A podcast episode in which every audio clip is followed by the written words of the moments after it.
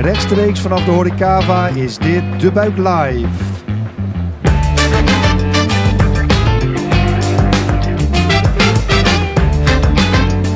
Goed dat je luistert naar De Buik Live, de podcast van De Buik over trends in de wereld van food, drinks en hospitality. Ik ben Gijzer Brouwer, oprichter van De Buik en Food Trend Watcher. Elke aflevering van De Buik Live praten we je bij over één belangrijke trend, zodat jij precies weet wat er speelt. Vandaag live vanaf de Horecava met de nieuwe trend Vertical Farming. Dat in het komende half uur bij De Buik Live. Mijn gasten vandaag zijn Art van der Kreken, eigenaar van GrowX, en Pepe Topper, chef. Art, jij bent eigenlijk uh, stadsboer. Wat betekent dat? Ja, boer binnen de bebouwde kom, binnen de stad. Dus toch een groot teeltoppervlak te creëren in een kleine omgeving. En heel veel produceren voor de lokale markt. Nou, daar gaan we zeker zo nog even over doorpraten. Pepe, jij bent chef. Wat doe jij? Zeker. Ik heb uh, afgelopen jaren heel veel in de keukens gewerkt. Chef geweest hier in Amsterdam. In verschillende bedrijven. Um, en dat haakt natuurlijk heel erg aan. Omdat voor ons het belangrijkste is binnen een restaurant wat onze leveranciers zijn. En wat onze aanvoer is naar onze restaurants. Binnen eten. Dus ook uh, binnen lokale markt. En wat voor producten er leefbaar zijn. Uh, in een kleine schaal. En ook dicht bij huis. Dus dicht bij de restaurants. Omdat we willen zoveel mogelijk van dichtbij te halen en niet uit andere landen te hoeven halen. Top, nou gaan we het zeker zo nog over hebben. Want jij zegt direct duidelijk, en eigenlijk arts zegt het ook, het gaat om dichtbij. En wat ik mooi vind van deze ontwikkeling is, eigenlijk was eten altijd dichtbij. Als je terugkijkt naar 50, 100 jaar geleden, dan wist je gewoon dat wat je op je bord had, kwam ongeveer van naast je, van naast je stad. Of misschien wel uit de stad of net buiten de stad. En door de, de opkomst van de, van de agriculturele revolutie en konden dingen ineens van veel verder wegkomen. Natuurlijk ook door opkomst van vliegen, van treinen, et cetera. En recent, zeker de laatste 10, 15 jaar, hebben we wel gemerkt dat lokaal weer een toverwoord werd. Hè? Ineens moest alles weer uit de buurt komen. En zag je onder aanvoering met name vanuit Amerika natuurlijk, vanuit, vanuit Portland en vanuit New York, Brooklyn, kwamen ineens die trend van everything local. Het moest weer van dichtbij komen. Het bier werd weer gebrouwen in de buurt, de koffie kwam weer uit de buurt. En met veel dingen, zoals met vlees en groenten, was dat toch lastiger. Zeker op grote schaal. Want natuurlijk kan je ergens op een klein plotje, zo net buiten de stad, een paar boerenkolen kweken. Maar ga dat maar eens op grotere schaal doen voor, uh, voor restaurants, voor horeca en ook voor de, voor de thuismarkt. Maar en je ziet daarnaast dat, uh, dat veel horeca, en zeker chefs en topchefs, het wel belangrijk vinden om te weten waar komt hun product nou vandaan. Misschien gaan ze het wel zelf kweken. Nou, die twee dingen eigenlijk, van het moet dichtbij komen en ik wil zelf in ieder geval zien waar iets vandaan komt of invloed hebben, misschien het wel zelf doen, die leiden eigenlijk tot je, dat je weer meer komt, nou ja, wat dan nu uh, vertical farming heet of urban farming, waarbij je eigenlijk zegt van gaan gewoon weer in de stad gaan we kweken. Nou dat betekent dat je op een heel andere manier met ruimte om moet gaan natuurlijk. Want ja, traditioneel als je naar, naar uh, ja, akkers kijkt, die zijn natuurlijk ellenlang. Stel je voor die maisvelden of die tarwevelden, die maar door en door en door gaan. Nou ja, deze manier van stadskweken, die heeft natuurlijk veel minder ruimte, vraagt die. Um, dus moet je daar slimmer mee omgaan. Daar gaan we het komende uh, half uur over hebben. Wat je ziet is dat dat voor een deel wordt opgelost eigenlijk met traditioneel door het stapelen van... Uh, van, uh, ja, eigenlijk van, van groeioppervlak. Dat je ziet dat dat in slimme kastjes gebeurt. Dat het soms ook wel letterlijk in de keuken gebeurt. Dat je een soort van mini-kastjes krijgt. En dat de oude, laat maar zeggen, traditionele manier natuurlijk ook nog steeds wel gebeurt. Dat ze gewoon, bijvoorbeeld Amsterdam in West heb je dan een, een, mooie fruittuin. Of je weet dat er nog ergens varkentjes rondlopen in Osdorp. Weet je, dan haal je het wel naar de stad. Maar dat is dan tamelijk kleine schaal. Hoe dat dan gebeurt en welke technologie erachter zit, willen we vandaag niet te veel over hebben. Maar we gaan het er zeker wel even over hebben, want dat maakt het natuurlijk wel tof. Um, vaak gaat het over, over, over kassen die, die gestapeld zijn, waar veel met ledlicht gebeurt. Um, ik moet altijd wel een beetje denken aan, uh, aan de hennepteelt. Weet je, je hebt toch een beetje het idee dat er ergens hier de wiet gekweekt wordt. Zo'nzelfde belichting die ervan afkomt, dat blauwe, dat paarse licht. Uh, daar zal vast ook wel wat technologie vandaan komen. Um, en wat je ziet is dus dat die branche op dit moment ja, booming is, zou ik bijna zeggen. Als je de winnaar van, uh, van de, een van de belangrijkste food innovatieprijzen in Engeland, een bedrijf als dit, EvoGrow, uh, een van de grotere partijen in Nederland, Corporate Crash, hier volop mee bezig. Ehm, je ziet jullie natuurlijk. Je ziet Own Greens, die eigenlijk uit de, uit de bloemen komen. Die de overstap nu ook naar de, naar de, gro naar de groenten maken en naar de kruiden maken. jullie als GrowX zijn er natuurlijk mee bezig. Uh, in partijen in Rotterdam, overal wordt er mee aan de slag gegaan. Waar ik nou zo benieuwd naar ben, Art, en dan begin ik met jou.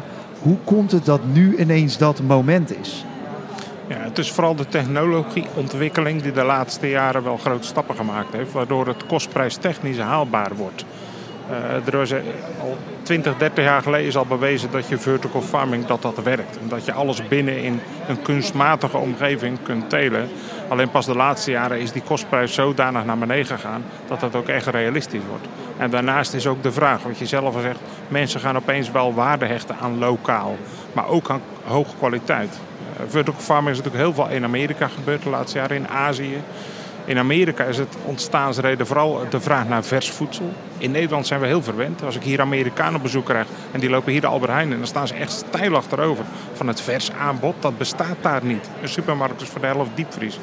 Dus de vertical farming is in Amerika vooral ontstaan naar de behoefte aan vers. In Azië de behoefte aan uh, kwaliteit, dus aan reinigheid. Hoe, hoe zuiver is het, hoe puur is het, hoe onbesmet is het iedereen in uh, Azië vraagt dus eerst een vertical farm. Oh, dat is een hele hoge kwaliteit en hele hoge hygiëne. Dat vinden ze helemaal gaaf daar. Hier in Nederland is het altijd wel heel moeilijk. Want het eten is hier bijna het goedkoopst, denk ik, van heel de wereld. Een krop sla in een supermarkt in Nederland uh, kost minder dan dat die in Amerika uh, dat een boer ervoor krijgt. Dus je ziet dat dat een aantal redenen En nu, de laatste jaren, is de technologie van vertical farming maakt grote sprongen. We zijn in Nederland heel goed in landbouwtechniek. Dus wij zijn ook, als je farms in Amerika of in Azië, het zijn heel vaak Nederlandse bedrijven die die daar bouwen of ontwikkelen of een deel van de technologie leveren. Maar in Nederland kon het nooit uit. Dus hier werd dat niet gebouwd. En nu zeg je, lukt dat eigenlijk wel?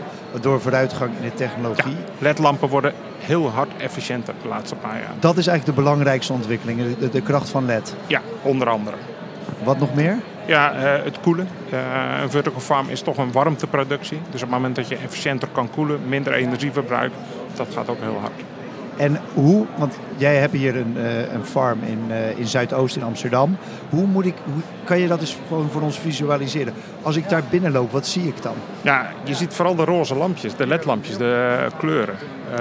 dat hoeft helemaal niet, maar een plant heeft rood en blauw licht nodig om te groeien en geen wit licht. Dus waarom zou je in een, in een ledlamp waar je planten groeit wit licht doen als een plant het niet nodig heeft? Dus het spectrum van de ledlampen wordt heel gespecificeerd op wat een plant nodig heeft. En heb je dus rood, dieprood en blauw. Dat zijn de spectrums waar je de planten mee kunt groeien. Dus dat zie je ook als je binnenkomt. Zie je, ja, word je je ogen van, hé, hey, wat is het allemaal? Uh, maar verder is het gewoon in heel veel lagen. Wij kunnen nu in een nieuwe cel naar 15 lagen hoog gaan telen. En we telen op een, op een matje van papier. Uh, telen we eigenlijk heel veel microgreens. Dus het zijn kleine kruidentakjes, scheutjes, uh, crashjes, maar dan iets groter. Uh, vertical farm is heel geschikt voor het produceren van leafy greens, zoals ze dat in Amerika zeggen. Boerenkool en bloemkool, dat kan wel, alleen dat komt helemaal economisch nooit uit. Dus vooral voor leafy greens, dus tot een kropsla, maar vooral de baby leaves, de babyslaatjes en de microgreens zoals wij ze telen. Dat zijn de producten die je in een vertical farm kan telen. En bij ons zie je dus ook een cel met 50 verschillende soorten uh, kleuren, blaadjes, takjes. Die allemaal door elkaar uh, groeien. En hoe groot is zo'n cel dan? De cel is heel klein, want we gaan natuurlijk in heel veel lagen omhoog. Dus je moet je voorstellen dat we op een oppervlakte van 150 vierkante meter... met 15 lagen kunnen we al heel veel telen. Dus we hebben een teeltoppervlakte van bijna 1500 vierkante meter op een vloeroppervlakte van 150 vierkante meter. En daarbij de ideale omstandigheden en het ideale klimaat, zodat het plantje op zijn allerhardst groeit. Maar ook heel constant groeit. En ook iedere dag, of het nou december is of juni of mei, het groeit altijd even. Het is bij ons altijd lente. Het is altijd die mooie lentedag met dat regenbuitje s'nachts. Dat hebben wij iedere dag. en daardoor groeit het heel hard. En, en leven, je bedoel, jou, jij zit dan hier in Amsterdam. Is jouw jouw levenscirkel dan ook Amsterdam? Of hoe kijk je daarnaar? Nou, in principe kunnen we de, de hoor... Ja, lokaal is altijd een heel moeilijk begrip. Ja, vind ik uh, mooi. Ja. ja uh, een lokaal in Amerika is 500 kilometer.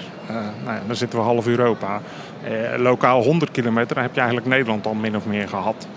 Ehm, je probeert het heel lokaal te produceren, maar zo'n cel neerzetten in iedere stad of in ieder dorpje, dat gaat hem ook niet worden. Omdat wij in zo'n kleine cel van 150 vierkante meter vloeroppervlak kunnen we al voor 300, 400 restaurants producten telen.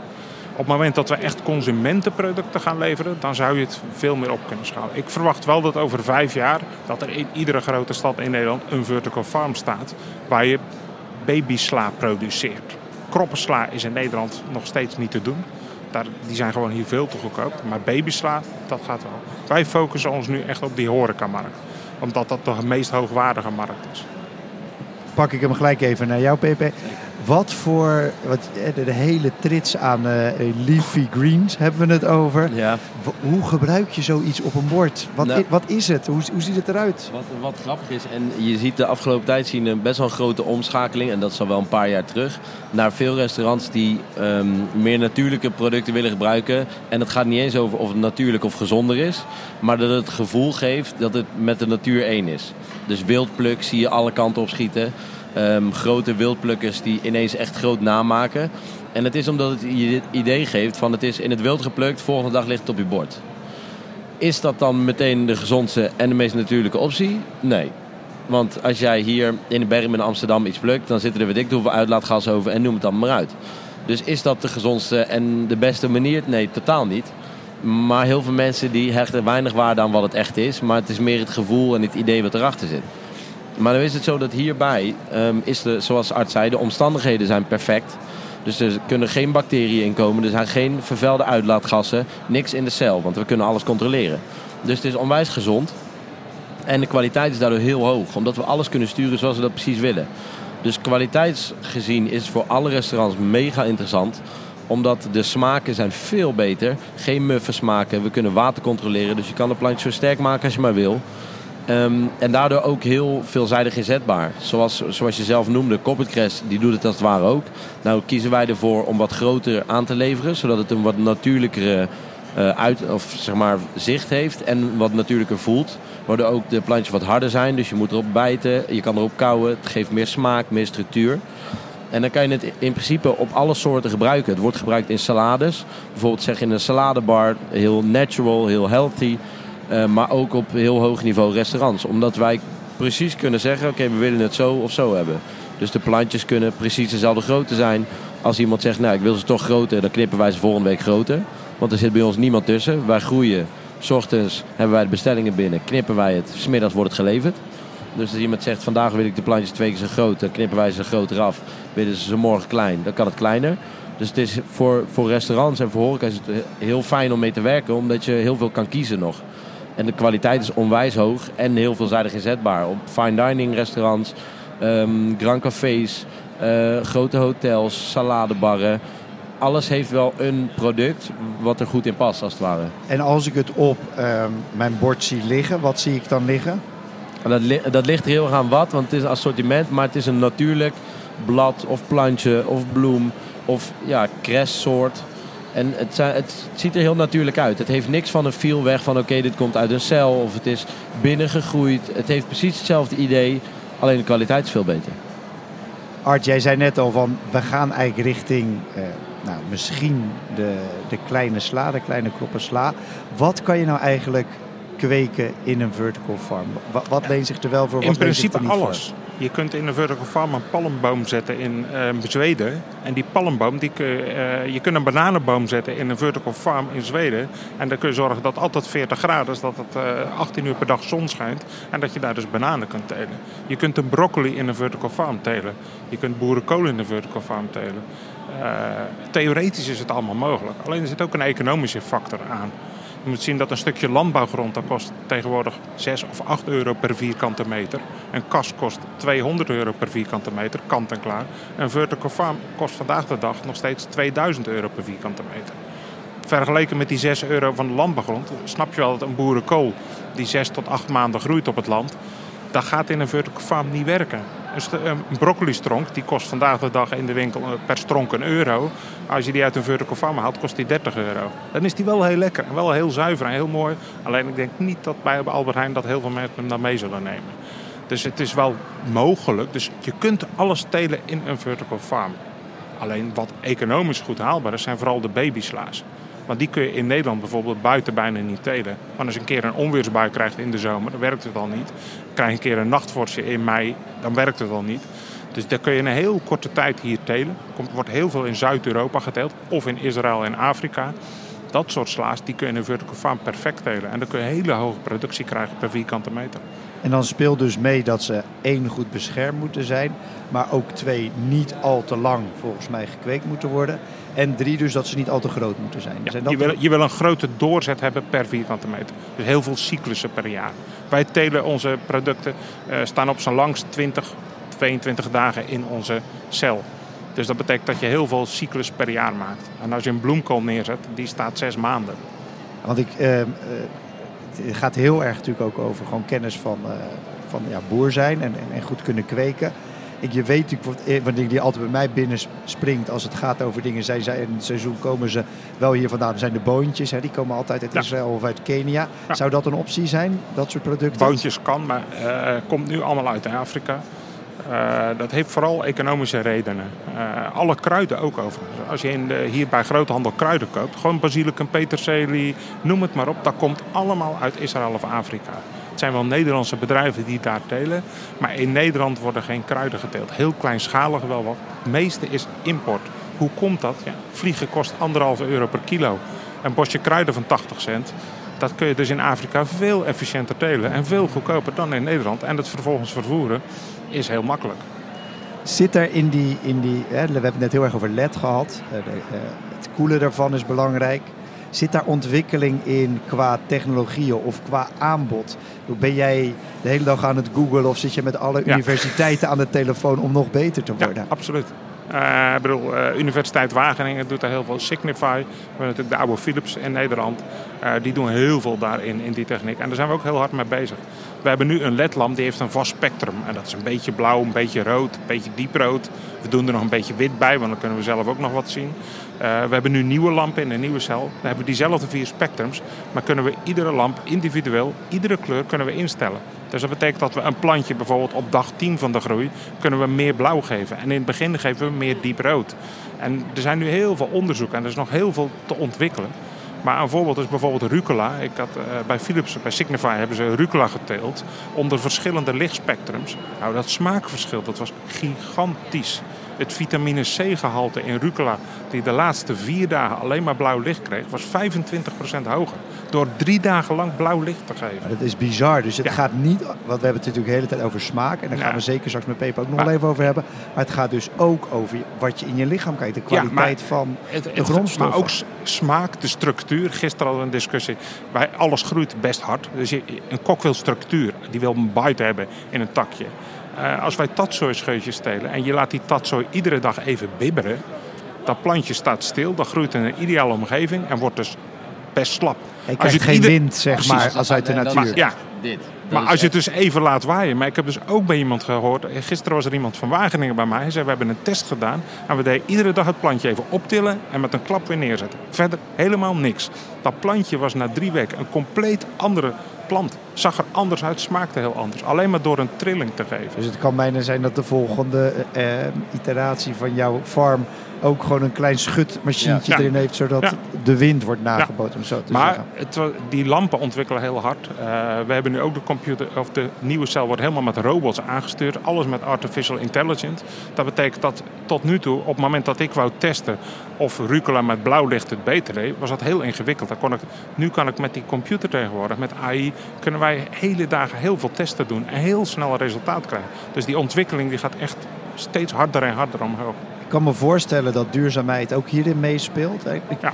Meet je dat mee of is, jij kijkt gewoon aan het eind van de maand naar je elektriciteitsrekening of je energierekening en zegt, joh, we hebben het goed gedaan? Nee, uh, duurzaamheid is heel essentieel. En duurzaamheid is bij ons uh, sowieso 100% groene energie gebruiken. Daarnaast heel hard werk aan energiereductie, maar dat is ook gewoon kostprijs. Dus zowel economisch als duurzaam. Um, daarnaast het watergebruik, dus 90% minder tot 95% dan bij een gewoon buiten, buiten in de grond. Loopt driekwart van het water stroomt de grond in. Wij geven alleen het water wat het plantje nodig heeft. Dus we hebben heel efficiënt met water, dat is duurzaam. En naar de verpakking. Wij leveren zonder verpakking. We hebben een bakje en dat bakje is terug. Dat halen we terug op. Dus eigenlijk hebben wij nul verpakking. Nou, dan elektrisch vervoeren, lokaal. Precies, alles dan, in de buurt. Ja. ja. En um, Hoeveel van deze farms zijn er nu? Is, is, is het al, heeft het al een beetje impact in Nederland? Of zitten we echt In- nog gewoon all the In way in Nederland heeft het helemaal nog geen impact. Maar in Nederland is die impact ook het laagst van overal. Omdat wij in Nederland al zo goed zijn. En omdat er in Nederland de prijs al zo laag is van ons eten. Je ziet deze farms in Amerika en Azië heel hard opkomen. In Dubai staan er echt drie, vier, vijf hele grote vertical farms. In Amerika staan er een stuk of tien hele grote. In Azië wordt het, gaat het heel hard. Singapore zijn vier, vijf bedrijven. Waarvan sommige zich alleen richten op kroppen sla. Andere richten zich op baby leaves. Eh, en er zijn er ook een paar in, in New York. Zit er eentje, Farm One, die zich echt richt op die microgreens. Wat wij ook doen. Die microgreens, eh Pepe, jij ging net al een beetje, die- het kan in een salade, het kan niet. Ja. Wat voor smaken, wat voor dingen moet ik aan denken? Waarom zou een chef dit überhaupt willen hebben? Kunnen ze niet gewoon naar de, naar de kweker lopen of naar Sligro en zeggen... joh, ik pak gewoon nog een paar potjes erbij. Nee, de- juist helemaal niet. En dat is zo grappig. En voor mij, ik denk een van de grootste momenten voor mij dat ik dat had, was toen ik, en die heb ik ook bij me, wasabi bladeren of wasabi blad. En Laten we ik- proeven. ik Ik, zal- ben ik nu gelijk, dit, is, dit proeven. moet ik weten. Dit, eh, Want dit was voor mij, eh, wasabi is iets waarvan je weet van, nou, dat, dat krijg je bij een tube bij sushi, zeg maar. Weet je wel, de- en dat soort dingen. En ik, ik heb een tijd in Kopenhagen gewerkt, waarbij we wel op, aan dit soort dingen konden komen. Ehm, maar hier in Nederland kon ik ze gewoon niet krijgen. En als ik ze kon krijgen, waren ze heel taai, heel, heel muffig. En de smaak hiervan, en dat duurt even voordat het doorkomt, maar het is Ja, je moet even kouwen. maar even wachten. Ja, eerst proef je alleen maar een soort van, ja, inderdaad, of je een, beetje blaadje sla vegetale, zit. eh, vegetale smaak. En dan ineens kikt die wasabi erin. Ja, zo En dat soort smaken, power in je mond. Die proef, ik, die proef ik bijna nooit zo heftig. En zo, en zo mooi van smaak en ook de structuur. Die heb je gewoon uit heel weinig dingen. Want ook bij sla, als je een krop sla aan het eten bent, wat, wat je niet zo vaak doet waarschijnlijk, maar als je dat zou doen, dan is het bijna alleen maar water. En omdat je hier, wat arts zijn, 90% van het water eruit haalt, blijft er heel veel smaak over. En dat is een beetje hetzelfde idee wat eh, Dan Barber gedaan heeft in Amerika. Is dat hij pompoenen van 10 centimeter kweekte. Waar dezelfde hoeveelheid smaak is dat dan een pompoen van 3 kilo, omdat hij gewoon het water eruit haalt. En dat is precies wat je hier ook doet. Dus dat is eigenlijk de gedachte. Je, Ja. je kweekt heel erg op smaak. Ja. Nou ja, als je het goed doet, zei Art net ook al, zelfs ook nog wel op, op nutrients. Ja, hè? op, ja, op- ja, zeker, goede zeker. stoffen die goed voor ons lijf zijn. 100%. En dan, eh, bedoel, jij, jij hebt eh, in, in allerlei hoogstaande eh, restaurants hier in Amsterdam, Kopenhagen gewerkt. Prijzen gewonnen voor wat je gedaan hebt. Waar neem jij het dan in mee? Wat is voor jou nou een... Als jij nu iemand moet overhalen hier in Amsterdam of in Rotterdam van... dit moet je gewoon meenemen, dit moet op de kaart komen. Wat zeg je dan tegen ze? Mm, ja, het, het, dat vind ik het allerleukst. Ik hoef, niet ik hoef er niet een heel mooi verhaal mee te vertellen. Wat ik zeg, de smaken zijn fantastisch. En als ik er gerechten mee maak, voor mij kan het zoveel vervangen. Dus voor mij kan het, eh, het groentegarnituur... kan ook vier, vijf soorten van dit soort kruiden zijn... die heel mooi bij elkaar plassen, passen. Dus we hebben ook eh, veel koolbladeren... die dezelfde structuur en smaak hebben als voor boerenkool en dat soort dingen. Dus die kan ik gewoon als een salade, dus dat mooi aangemaakt... met een simpele dressing bij een hoofdgerecht... geven in plaats van een groentegarnituur omdat ik vind koude groentegarnituren bij hoofdgerecht altijd fijn. Omdat het een verschil geeft in temperatuur. Omdat de structuur mooi is en een soort fris, frisheid. Omdat hoofdgerechten vaak wat vettiger zijn, wat heftiger. En ook bij je maag. Als je bijvoorbeeld dan een heel menu zit te eten. En dan is het iets heel mooi fris. Iets licht. Het geeft, heeft niet veel vet. Dus het geeft je een licht uiteinde van het gerecht. En dat is iets waar ik, waar ik altijd heel erg naar op zoek ben geweest. En iets wat dit voor mij heel erg ehm, ja, een hele erge meerwaarde geeft. En jij, bedoel, jij bent chef, jij, jij praat nu met chefs hierover. Ja. Je loopt met, met, met deze dingen rond door de stad. Zeker. Wat zijn, afgezien van die smaak waar je het over hebt... wat Ja. zijn nog meer voordelen voor, de, voor een chef om hier gebruik van te maken? Ehm eerste heel simpel. Die, je, hoeft, je hoeft niks te wassen. Ehm, het wassen van kruiden is altijd, altijd jammer. Omdat ze minder stevig worden. Omdat ze nat zijn, moet je ze droog. Je hoeft het niet te wassen, want het is perfect schoon. Geen giftige stoffen, niks eraan. Er is geen aarde bij te pas gekomen. Dus er geen beestjes. Dus het is mooi schoon. De verpakking is heel fijn, want het is gesneden en geknipt. Omdat wij dat doen, zodat de hoogtes ook perfect zijn. Dus het is heel makkelijk in gebruik. Ehm, nou ja, het is, het is makkelijk switchen. Dus moet het kleiner, kan het heel makkelijk kleiner. Moet het groter, kan het groter. Wil je iets anders in het assortiment, kunnen we ook snel schakelen. Omdat wij gewoon niemand ertussenin hebben lopen. Want dat, Art, dat wilde ik aan jou vragen. Jullie, hebben, jullie komen hier binnen met een mooie zwarte doos. Nou, er zitten dan weer wat kleinere doosjes in met wel, ik zag al 10, 15 verschillende eh, ingrediënten of, of, of, of, eh, gewassen. Hoe, hoeveel kan je er hebben? Hoeveel zijn er? Wat, is, wat is het aanbod? Honderden. Ja? Ik denk misschien wel duizenden. Dus het is constant zoeken van wat zijn nou de leuke dingen. Wat past in een assortiment. En, we hebben echt, en daardoor is Pepe natuurlijk als echte chef ook binnen ons uh, bedrijf zo belangrijk. Want dan heb je echt een chef ook binnen de deur. Maar het is ook waarom wij rechtstreeks leveren aan chefs. Om dus gewoon constant te kijken, wat wil een chef? Wat zoekt een chef? Thaise basilica, oh die is zo lekker, zo gaaf. Die willen we groot hebben, want daar willen we een olietje van maken. Uh, kaneelbasilicum vind je nergens. Uh, maar ook boerenkool. Dat is natuurlijk de laatste jaren best wel een trend. Ja, dus we hebben nu paarse boerenkool en groene boerenkool als koolbladeren op gerecht. Ja, geweldig vinden chefs dat. En de, ja, we hebben het nog niet eens over de vitamine en de gezondheid van dat soort dingen is ook heel erg hoog. Daar kijken we eigenlijk helemaal nog niet naar. Het is heel erg over smaak gaat het op dit moment. Het smaakt ook veel beter. Je, ja, ja, als, je, als je dit spel goed gaat spelen en ook je nutriënten op orde krijgt, zeg je het is eigenlijk ook gezonder, het is duurzamer. Zijn er ook nadelen aan? Ik bedoel, het klinkt bijna of te goed, te goed om, uh, om waar te zijn.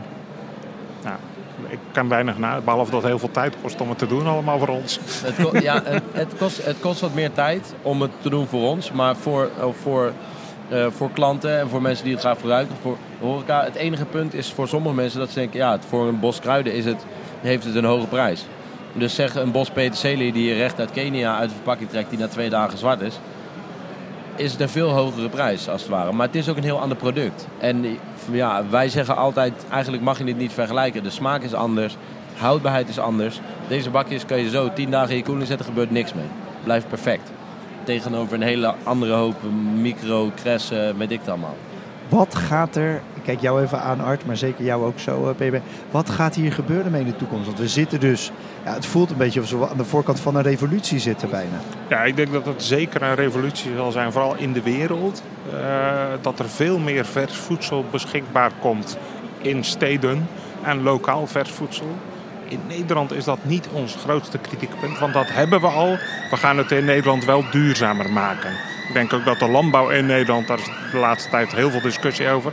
Dus ik denk dat er heel veel uh, discussie over vertical farming komt, omdat het gewoon een hele duurzame en sustainable oplossing is voor de toekomst. Lokaal vers voedsel en ook de consument betrekken. Het feit dat je het in de stad doet, kun je ook de consument er dichterbij betrekken. En de consument voelt zich erbij betrokken. Ja, dat vind ik heel mooi. Dat, ik zie dat mensen kunnen bij jou bij de cel misschien langskomen, ja, rondleidingen zeker. krijgen. Ja. Doe ja, je dat? Zeker, ja. We gaan ook in Amsterdam, willen we ook in Noord echt een culinair inspiratiecentrum maken. Ik bedoel, wat een chef-kok zoekt is hele mooie producten, maar ook heel veel inspiratie. En dat willen we ook gaan geven. Dat hij echt bij ons komt, door de cellen proeft en dan nieuwe gerechten gaat bedenken. En ik ken heel veel thuiskoks die minstens zo gestoord met eten bezig zijn als Pepe met eten bezig is. Zie jij dat ook voor je? Dat, je, dat mensen gaan zeggen, ja, ik wil dit ook gewoon in mijn, in mijn thuiskeuken hebben. Of ik, ik kom bij jou langs in Noord of ja. in Zuidoost om het te kopen. Of ik bestel ze online. Hoe, hoe kijk ik denk je dat, Ik denk dat een webshop voor thuiskoks, dat dat zeker uh, eraan komt. Wat denk jij, Pepe? Ja, sowieso. En ook omdat, wat grappig is, in... Um, in horeca en hotels um, is er ook nog soms best wel een grote stap tussen... oké, okay, een chefkok of degene die dit tof vindt, die wil je iets mee... tot aan, oké, okay, diegene mag dit of kan dit of wat dan ook bestellen. En dat is natuurlijk bij een consument, bij thuisconsument, mensen die thuis koken, is die stap er niet. Als je bedoelt dat ze niet moeten, ze moeten inkopen altijd Precies, via dezelfde winkel? Exact, of, nou ja, noem het dan maar op. Uh, wat jammer is, en niet eens omdat ik het dan jammer vind dat ze niet bij ons gaan kopen, maar omdat het jammer is dat ze dit hele stukje missen als het ware. En dat is bij mensen thuis is dat helemaal niet zo. Als zij het stof vinden en wij hebben de mogelijkheid dat ze dat meteen kunnen bezorgen bij hun thuis, is dat heel mooi. En het lijkt mij zelf ook tof als mensen hier thuis mee kunnen. Juist omdat de voedingswaarden ook zo mega hoog zijn. Zeker nu alles uh, heel erg bezig is met een goed lichaam, met een gezond lichaam, met fit zijn. Dit kan daar een hele grote rol in spelen, zeker. Ik, pak hem gelijk even door, want waar ik dan meteen aan moet denken is natuurlijk ook kinderen. Kinderen hebben helemaal niks met groente over het algemeen.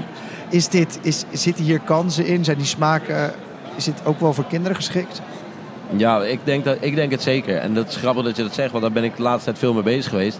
Is dat kinderen weinig educatie meer krijgen in wat eten is. Er zijn nog maar weinig mensen, weinig kinderen tegenwoordig, en misschien is weinig te veel gezegd, die bij bepaalde soorten groenten weten, als je het voor ze legt, wat die groenten zijn. En als je het gesneden of bereid voor ze legt, dat ze wel weten wat het is. En ik denk dat, dat, dat die stap veel te groot wordt. Uh, eten is niet meer iets wat vanuit de natuur komt, maar eten is, is iets wat van een supermarkt komt. En dat dat heel gevaarlijk is en daardoor ook de voedingswaarde en alles minder rol gaat spelen bij kinderen. Dus ik denk zeker dat dit, eh, dat dit iets belangrijks kan zijn, ja. En dan is het dat dichtbij is. Art is natuurlijk ook wel weer fijn dat je gewoon met de school erheen kan gaan. Ja, zeker. Ik bedoel, eh, je kunt het mensen laten zien. Ik denk dat daar ook gewoon een omslag aan gaat. Dus je merkt dat vooral de jongeren heel veel, als we het over veganistisch of vegetarisch hebben, zie je toch jongeren. We hadden vroeger een biologische boerderij, een biologische winkel. De meeste klanten waren jonge studenten. En dan denk je, die hebben geen geld. Nee, maar die hebben er wel voor over. Dus ik denk dat dat zeker gaat veranderen. Als je nu even afrondend, waar kom ik dit nou tegen? Ik bedoel, als ik dit, niet eens even thuis, maar als ik het wel wil proeven, als ik dit op een bord tegen wil komen, waar, waar, waar ligt het nu? De goede restaurants in Amsterdam. Noem er eens een paar, PP. Dat de goede is, is Ja, mooi gezegd. Ja. Dat zijn onze klanten. Ehm, nou ja, noem het op. Eh Conservatorium Hotel, eh, Spectrum, 212, eh Chill Bleu, maar ook ehm, Vis aan de Schelde, eh, in eh, Scheveningen bij Catch. Ja. Ehm, Ook een sushi samba restaurant Sushi C, Samba, dus ook de bulk. ja. eh, maar ook in Amersfoort, middenrestaurants, eh Bergpaviljoen, Tollius, richting Brabant, veel restaurants. Dus we zitten al heel veel plekken in Nederland eh, waar we dit mogen leveren. Ja, zeker. Oké, nou en dan ga ik natuurlijk eens een beetje kiezen uit je eigen kinderen. Maar ik ga Tuurlijk. jullie allebei vragen. Wat is de lekkerste die je hebt? het lekkerste restaurant. Nee, het lekkerste, Het lekkerste gerecht. Het lekkerste, het lekkerste ingrediënt. Lekkerste, Ja, ik zeg altijd, ik eet zelf geen sla, want er zitten vitamine in. maar dat is niet de goede. Ik vind, ik vind koolrabi wel heel erg lekker. De koolrabi schuitjes vind ik echt lekker. En jij hebt Ja, PP? voor mij is dat deze waar ik ook al heel de tijd van zit te eten. Ik eet dit Ja, ik heel zag dag het. door. Ik zie jou, ik Dat zie jou is, inderdaad de hele tijd snacken. Dat is die wasabi, ja. Voor mij is dat zeker. Oké, nou top. Dankjewel. Dit was de Buik Live. De live podcast van de Buik over trends in de wereld van food, drinks en hospitality. Dank aan mijn gasten PP Topper en Art van der Kreken. Ik ben Gijzig Brouwer. En ik vraag jullie maar één ding. Als je het een leuke podcast vond, stuur hem dan even door naar iemand anders. Of like of comment in je podcast app. Heb jij nog trends waar we het over moeten hebben in de Buik Live? Laat het ons dan even weten en stuur mij een berichtje. Dank voor het luisteren en tot de volgende aflevering. Cheers!